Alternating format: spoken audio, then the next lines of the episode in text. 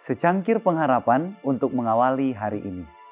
Renungan pagi tanggal 5 September dengan bibir yang bersukacita.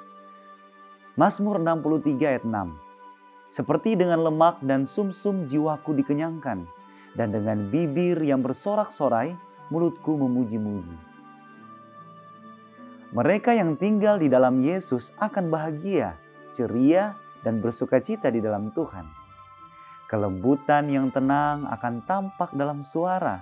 Penghormatan terhadap hal-hal rohani dan kekal akan diungkapkan dalam tindakan dan musik. Musik yang menggembirakan akan bergema dari, dari bibir. Karena itu berembus dari takhta Tuhan.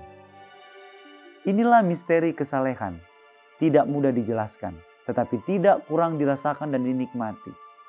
Hati yang keras kepala dan memberontak dapat menutup pintunya terhadap semua pengaruh manis dari kasih karunia Tuhan dan semua sukacita dalam Roh Kudus.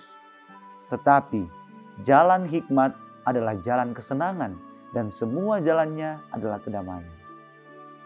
Orang yang berjalan dalam jalan-jalan hikmat walaupun dalam kesengsaraan sangat bergembira karena dia yang dikasihi jiwa mereka berjalan tak kelihatan di samping mereka. Di setiap langkah ke atas, mereka melihat lebih jelas sentuhan tangannya. Di setiap langkah sinar kemuliaan yang lebih terang dari yang tak kelihatan itu turun ke atas jalan mereka. Dan nyanyian-nyanyian pujian mereka mencapai nada yang lebih tinggi. Naik menyertai nyanyian-nyanyian malaikat di hadapan takhta. Doa kita hari ini.